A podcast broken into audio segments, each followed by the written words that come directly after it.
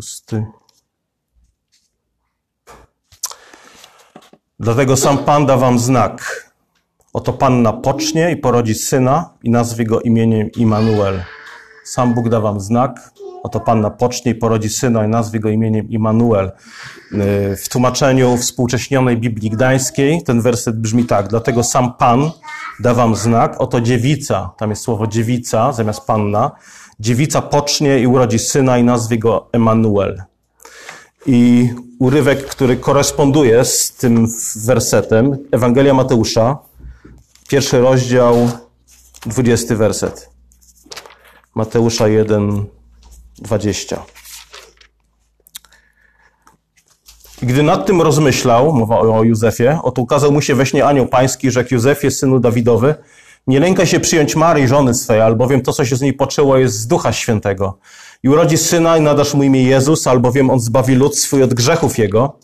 A to wszystko stało się, aby spełniło się słowo pańskie, wypowiedziane przez proroka. Oto Panna pocznie i porodzi syna i nadadzą mu imię Immanuel, co się wykłada Bóg z nami. Tutaj również w tłumaczeniu w, w uwspółcześnionej Biblii Gdańskiej jest, y, jest stwierdzenie, że, że oto dziewica, dziewica będzie brzemienna i urodzi syna. Dziewica będzie brzemienna i urodzi syna. Pomódlmy się. Ojcze, Ty kochasz wszelkie stworzenie i szczególną miłością ukochałeś swoją oblubienicę, Twój Kościół. Dziękujemy Tobie za, za, yy, za cud wcielenia. Dziękujemy Tobie za Chrystusa, yy, który narodził się jako jeden z nas, we wszystkim podobny do nas, z wyjątkiem grzechu. Panie, dziękujemy Ci za Twoje słowo, że ono objawia właśnie żywego, narodzonego w Betlejem, ukrzyżowanego i zmartwychwstałego Chrystusa. I prosimy Cię, Ojcze, abyś nas przyodział, przeoblekł w Chrystusa, ale przeoblekł we wszystkiego błogosławieństwa, przeoblekł nas w to, co dobre, szlachetne, sprawiedliwe. Prosimy Cię, e, abyś błogosławił ten czas, kiedy będziemy słuchać Twojego słowa. Niech ono nas oczyszcza, niech ono nas przemienia, abyśmy stawali się coraz bardziej podobni do Chrystusa. Amen. E, prorok Izajasz na wiele lat przed narodzeniem Chrystusa prorokował, że nie nadejdzie czas, kiedy dziewica pocznie i urodzi syna. To jest ten fragment z siódmego rozdziału, czternasty werset, o którym mówiliśmy. E, oczywiście jest cały historyczny kontekst tego proroctwa, który odnosi się do czasów Izajasza, ale dzisiaj skupimy się na wypełnieniu, wypełnieniu tych słów w cudzie Bożego, Bożego, Bożego Narodzenia. Ten werset znajduje się na wielu, kartach, na wielu kartkach świątecznych.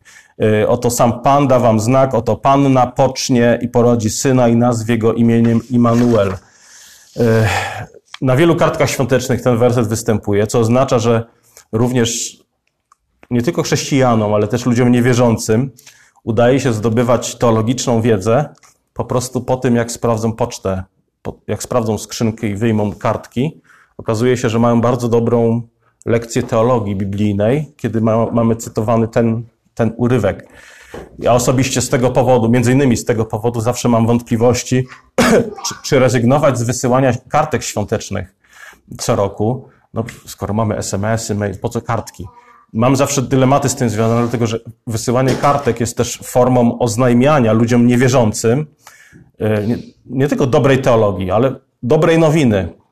Można w taki naturalny y, sposób przekazać dobrą nowinę, wysyłając kartkę świąteczną z wersetem i dopisując własne życzenia. Także niech Słowo Boże pracuje, ale jeżeli nawet nie przez kartki, to można chociażby ten werset wysłać w SMS-ie czy w mailu. Także dobry, dobry ewangelista jest jak Jezus, który wykorzystywał zupełnie naturalne okazję, żeby dzielić się Ewangelią. I święta Bożego Narodzenia, wysyłanie życzeń są taką dobrą okazją, żeby dzielić się dobrą nowiną. I ten werset jest też takim dobrym wersetem, kiedy pokazujemy zapowiedź narodzenia Chrystusa już w Starym Testamencie, już prorocy, już Izajasz zapowiadał narodzenie Jezusa z dziewicy.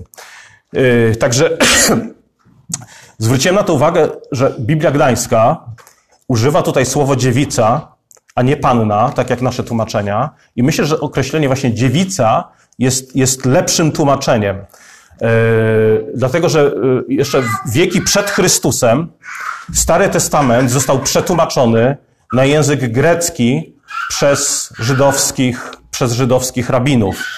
E, I zgodnie z tradycją tych tłumaczy z hebrajskiego na grecki było 70, dlatego tłumaczenie Starego Testamentu na grecki nazywamy Septuagintą od słowa, od słowa 70. I greckim słowem, które owe, owi tłumacze y, postanowili oddać hebrajskie słowo almach, jest greckie słowo partenos, które oznacza dziewicę. A od słowa partenos pochodzi na przykład słowo partenon, które było y, nazwą słynnej świątyni w Atenach, wzniesionej ku czci dziewicy, bogini, bogini dziewicy Ateny. Także to słowo partenon w Grecy nie daje zbyt wielu opcji, jak, jak, jak rozumieć to słowo, jak je tłumaczyć. Chodzi po prostu o dziewicę, a nie panna, bo panna daje dużo tutaj możliwości interpretacyjnych, no dziewica nie bardzo. Także to wszystko oznacza, że wiele wieków przed Chrystusem wśród greckojęzycznych Żydów oczekiwano, już były jakieś oczekiwania, że oto w przyszłości panna, nie panna, dziewica pocznie i urodzi syna. Że wydarzy się coś niezwykłego, że, że dziewica pocznie i urodzi syna. I w ten sposób do słów Izajasza odnosi się właśnie Mateusz. Mateusz widzi w narodzeniu Jezusa wypełnienie tego proroctwa z księgi Izajasza, że dziewica pocznie i urodzi syna. Łukasz w swojej Ewangelii odnotowuje fakt, y, to jest Łukasza 1,27, że Maria była dziewicą. Sama Maria y, również dziwi się, jakże ma urodzić syna, jeżeli nie zbliżyła się do męża. Także ta zapowiedź księgi Izajasza o Immanuelu, Bogu pośród nas, narodzonym z dziewicy, ona się wypełnia w cudzie Bożego Narodzenia. Czyli jasny jest, że Biblia uczy doktryny, prawdy o cudzie dziewiczego poczęcia. Jezus został poczęty bez udziału mężczyzny. Jezus urodził się w normalny sposób, ale nie został poczęty w normalny sposób. I to mówi nam bardzo wiele na temat tożsamości Chrystusa. Mówi o nim jako o świętym synu najwyższego Boga. Maria jest w ciąży, ale wciąż jest dziewicą, i to jest wypełnieniem słów z księgi Izajasza. Czyli zobaczcie, że zanim chrześcijańska doktryna tych dziewiczych narodzin zaowocowała Immanuelem, Bogiem z nami, Chrystusem, już wieki wcześniej istniała starotestamentowa zapowiedź dziewiczych narodzin. No i teraz dzisiaj powiemy na temat znaczenia. Jakie to w ogóle ma znaczenie, że Chrystus narodził się z dziewicy Marii? Dlaczego? Dlaczego to jest takie ważne? Gdybyście wpisali w Google, jak ja to zrobiłem jakiś czas temu, znaczenie poczęcia z dziewicy, bo oczywiście chodzi o Chrystusa. Zna, jakie jest znaczenie poczęcia z dziewicy? To wyskoczą wam w większości strony dotyczące dogmatu o niepokolanym poczęciu Najświętszej Maryi Panny. Czyli y, czasami może się to mylić jedno z drugim, ale to pokazuje, że większe znaczenie, myślę przynajmniej w naszym kraju, ma dogmat niepokolanego poczęcia Najświętszej Maryi Panny niż cudownego poczęcia Jezusa. W Biblii dziewicze poczęcie Jezusa to jest tak naprawdę, to jest bardzo ważna prawda, i niestety mało, mało, mało się słyszy, jakie to ma znaczenie. Tak? Częściej słyszymy, że dziewica Maryja, że, że poczęta bez grzechu i tak dalej. Ale jakie znaczenie ma poczęcie Jezusa? Dziewicze poczęcie Jezusa. Sam Kościół, zwróćcie uwagę, formułując na przykład nicejsko-konstantynopolitańskie wyznanie wiary, które też od czasu do czasu mówimy na nabożeństwie, ogłosił publicznie, streszczając podstawowe prawdy wiary chrześcijańskiej, E, włożył do treści, Kościół włożył do treści tego wyznania stwierdzenie, że za sprawą Ducha Świętego Jezus przyjął ciało z Marii Dziewicy i stał się człowiekiem. Tak wyznajemy to, wierzymy, że Jezus został poczęty z Marii Dziewicy. I Kościół uznał, że sprawa jest tak ważna, że powinna być wyznawana przez cały wierny lud chrześcijański. Także nie mamy tutaj, chcąc być chrześcijanami, biblijnymi chrześcijanami, jakiegoś pola manewru, że Chrystus może narodził się, nie wiem, w jakiś naturalny sposób z udziałem mężczyzny. Także to nie jest przypadek. Nasze zbawienie zależy od tego, po pierwsze, czy Chrystus jest prawdziwym człowiekiem, oczywiście jest Bogiem, ale czy jest prawdziwym człowiekiem również. i czy przyjął ciało z Marii Dziewicy. I teraz dlaczego to jest ważne? Ano dlatego, że aby złożyć ofiarę za grzech ludzi, twój, mój, Pan Jezus musiał być prawdziwym człowiekiem. Musiał nas reprezentować jako człowiek, ale musiał być bezgrzesznym człowiekiem, żeby móc wziąć naszą karę na siebie. Gdyby był, gdyby był grzesznym człowiekiem, musiałby najpierw złożyć ofiarę z samego siebie. Sam musiałby odpowiadać za własne przewinienia. Także Chrystus, wiemy z pisma, był bezgrzeszny. Nie tylko wytrzymał pokusy diabła na pustyni, ale też pozostał bezgrzeszny przez całe swoje życie. Hebrajczyków 14-15. Nie mamy bowiem arcykapłana, który by mógł współczuć ze słabościami naszymi, lecz doświadczonego we wszystkim, podobnie jak my z wyjątkiem grzechu. Z wyjątkiem grzechu. 2 Koryntian 5:21. On tego, który nie znał grzechu, czyli Chrystusa, za nas grzechem uczynił, abyśmy w nim stali się sprawiedliwością Bożą. 1 Piotra 2:22. On grzechu nie popełnił, ani nie znaleziono zdrady w ustach jego. I Jana 8:46 Jezus mówi do faryzeuszy: Któż z was może mi dowieść grzechu? Jeśli mówię prawdę, dlaczego nie wierzycie mi? Któż z was może mi dowieść grzechu? Innymi słowy, Chrystus był bez grzechu. Gdyby Chrystus był grzesznym człowiekiem, nie mógłby być zbawicielem, ponieważ sam potrzebowałby zbawiciela. Gdyby nie był całkowicie bezgrzeszny, to podobnie jak kapłani, jak lewici, najpierw by musiał złożyć ofiarę za własny grzech. To oznacza, że nie byłby w stanie umrzeć za nas. Nie mógłby być ofiarą za nas, dla nas, gdyby nie był całkowicie bez skazy. Czyli na, aby nasze zbawienie było skuteczne, potrzebny był człowiek, który jest prawdziwym człowiekiem, stuprocentowym człowiekiem, e, ale jest, jest jednocześnie to musi być człowiek, który nie miał grzechu. I oczywiście jaki był problem? No problem był taki, że takiego człowieka nie było na ziemi. Biblia naucza, że wszyscy zgrzeszyli. Nie ma ani jednego, który byłby sprawiedliwy, który czyniłby dobrze. Biblia mówi, e, Efezjan 2:3, że wszyscy ludzie są obiektami Bożego gniewu z powodu naszego grzechu. Gdyby Jezus urodził się zgodnie z normalnym, naturalnym procesem, byłby również obiektem Bożego gniewu. Tak więc narodzenie bezgrzesznego człowieka musiało odbyć się w sposób nadprzyrodzony. I Bóg uczynił to poprzez narodzenie, narodzenie z dziewicy. I teraz, jak to dziewicze poczęcie sprawia, że Chrystus jest bezgrzesznym człowiekiem? Zobaczcie, cały czas mówimy o tym, że Jezus jest pełnym człowiekiem, ma, ma, ma, ma prawdziwy rodowód. Mateusz ciągnie linię jego przodków aż do Abrahama. Łukasz ciągnie linię jego przodków aż do Adama. I teraz, dlaczego możemy mówić, że Jezus był bez grzechu, skoro miał ludzką naturę, miał ludzkich przodków, którzy byli grzesznikami? Wielu z tych ludzi w rodowodzie Jezusa naprawdę nie miało zbyt dobrej historii. I teraz odpowiedź, jeśli chodzi o bezgrzeszność Jezusa, jest związana z tym, kim był jego ojciec. Oto Duch Święty, y, anioł mówi do Marii, Duch Święty stąpi na ciebie i ten, którego urodzisz, będzie nazwany synem, nie Józefa, synem Najwyższego. Czyli ojcem Jezusa jest Najwyższy, jest Bóg, jest Ojciec w niebie, a nie grzeszny Ojciec na ziemi. Czyli innymi słowy, Jezus nie miał grzesznej głowy. Jezus miał świętą głowę, nie odziedziczył grzechu Adama. Pozostali synowie yy, i córki Józefa i Marii, też jest, Nowy Testament wspomina o przyrodnich braciach i siostrach Jezusa, których ojcem był, yy, był, był Józef, a matką Maria. Oni byli grzesznikami, którzy potrzebowali przebaczenia, tak jak my wszyscy. I mimo, że byli tak jak Jezus, narodzeni z Marii, to w przeciwieństwie do Jezusa, oni mieli ziemskiego ojca. Na przykład brat naszego Pana, Jezusa Chrystusa, o imieniu Jakub, mówi nam w swoim liście, żebyśmy wyznawali, my, mówi tak, w pierwszej osobie liczby mnogiej, my, abyśmy wyznawali y, swoje grzechy, i potem dodaje, że Eliasz miał naturę podobną do naszej. Znowu mówi, do naszej. Mówi brat pański, narodzony z Marii i Józefa. Miał podobną naturę do naszej, czyli grzeszną naturę.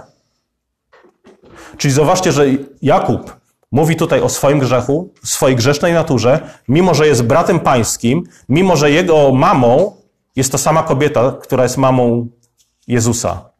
I płynie z tego wniosek, że to nie Maria jest przyczyną bezgrzeszności Jezusa, jak mówią czasami nasi przyjaciele z Kościoła katolickiego, czyli dodają, że skoro Jezus jest bez grzechu, to musiała go wydać na świat bezgrzeszna osoba. Więc Maria jest też bezgrzeszna. Tylko zwróćcie uwagę, to nie jest logika Pisma Świętego. Dlatego, że analogicznie musielibyśmy powiedzieć, że mama Marii też jest bezgrzeszna, skoro wydała na świat córkę bez grzechu. Tak? Moglibyśmy w ten sposób, w taki absurdalny sposób ciągnąć rodowód przodków Marii aż do Adama i Ewy, twierdząc, że każdy z nich, matka tego, tej, tej i tej, tamtej, była bez grzechu. To oczywiście przeczy urywkom, które czytaliśmy, że wszyscy zgrzeszyli, jedynym wyjątkiem jest Jezus Chrystus. Także nasi przyjaciele z Kościoła katolickiego starają się wyjaśnić bezgrzeszność Chrystusa za pomocą doktryny o niepokalanym poczęściu Najświętszej Maryi Panny.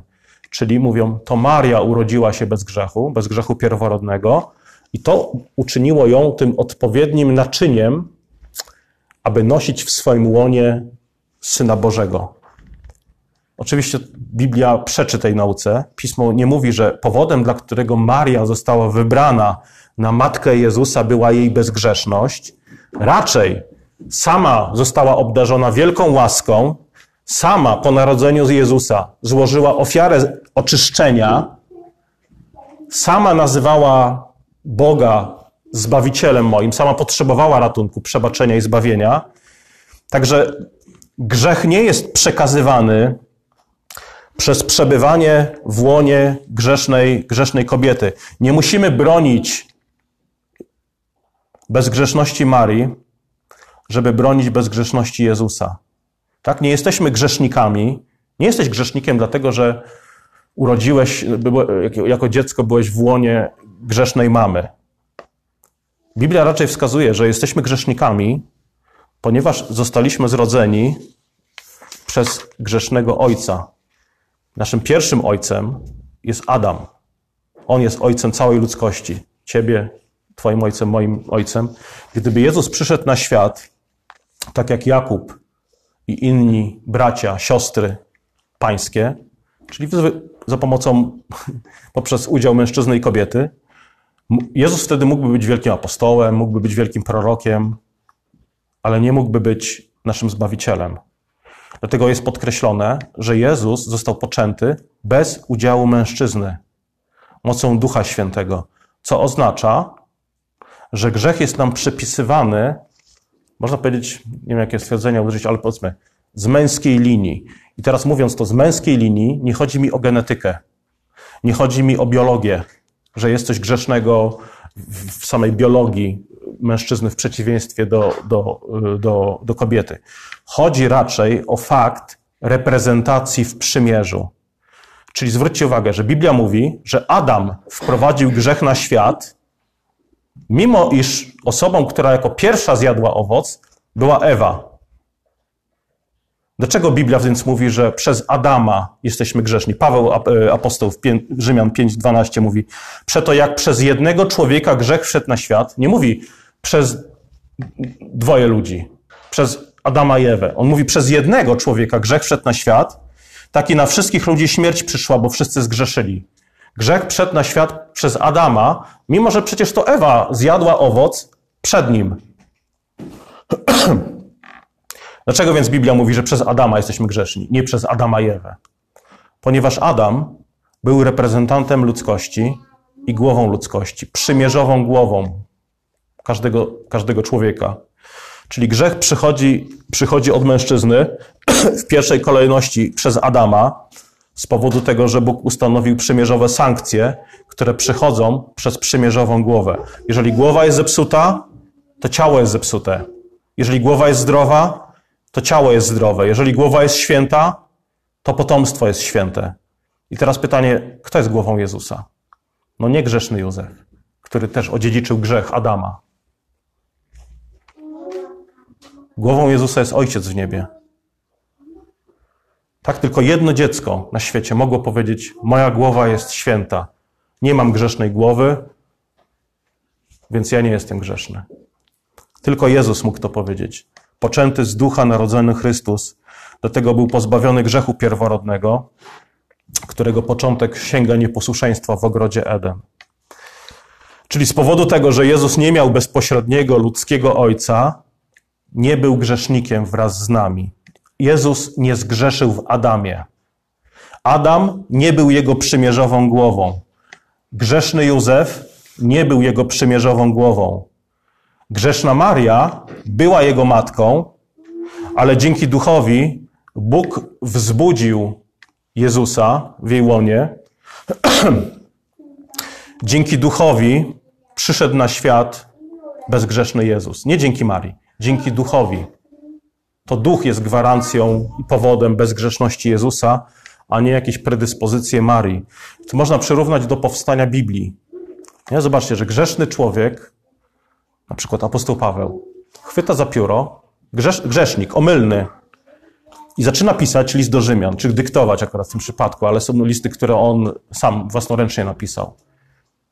Zaczyna pisać list. Człowiek, który jest omylny i niedoskonały, ale dzięki Duchowi Świętemu, który nadzorował proces spisywania słowa poprzez natchnienie pisarza, mamy bezbłędne, nieomylne Słowo Boże. I znowu, nie dlatego, że pisali je ludzie bezgrzeszni, nieomylni i tak dalej. Pisali omylni ludzie. Nieomylny jest Duch Święty.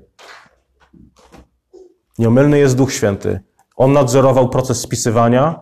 On spowodował, że żadne słowo Pawła, Jana, Izajasza, Jeremiasza nie, nie, nie jest, to nie jest słowo, nad którym możemy debatować, czy to jest prawda, czy to jest nieprawda.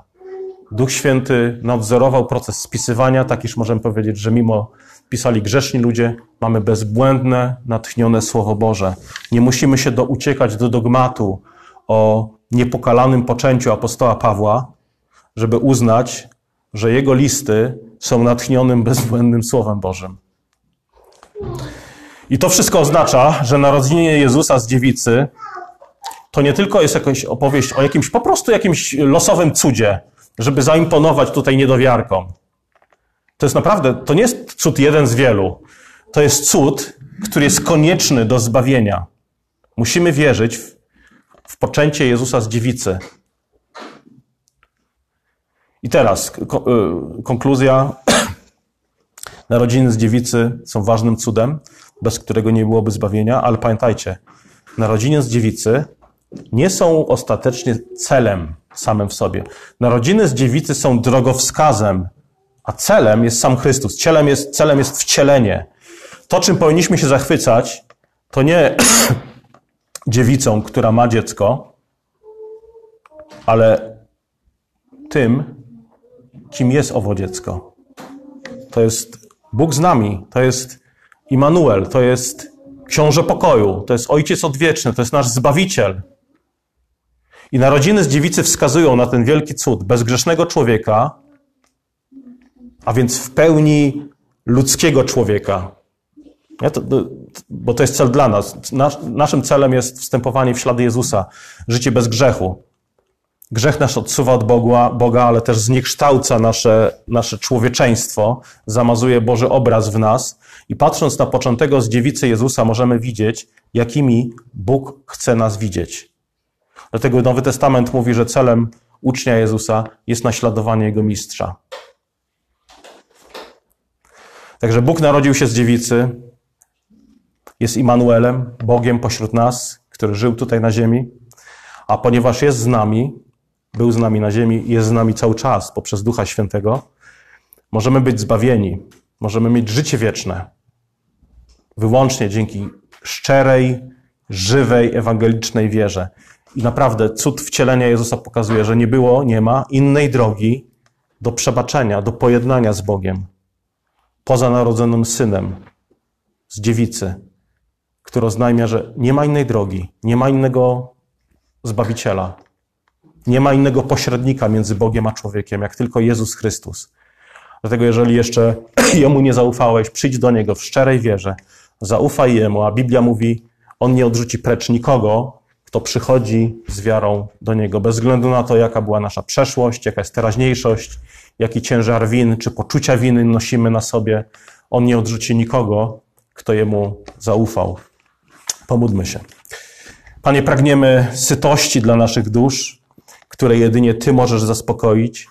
Panie, spraw, aby głoszone słowo kruszyło w nas zatwardziałość grzechu, wszelkie zwątpienie czy letniość naszej wiary, aby wydało dobry owoc płynący z, właśnie z nieobłudnej wiary. I raz, raz jeszcze dziękujemy Tobie za Jezusa, za Immanuela, Boga pośród nas, który narodził się z dziewicy, który miał, ma świętą głowę, czyli Ciebie, drogi Ojcze. I dziękujemy Tobie, że to czyni nasze zbawienie nie tylko możliwym, ale też skutecznym. Dziękujemy Ci, że nie jest to jakieś potencjalne dzieło, prawdopodobne dzieło, ale jest to dzieło dokonane, skuteczne, które staje się naszym udziałem poprzez wiarę. Chwalimy Ciebie, Ojcze, za to i dziękujemy. Amen.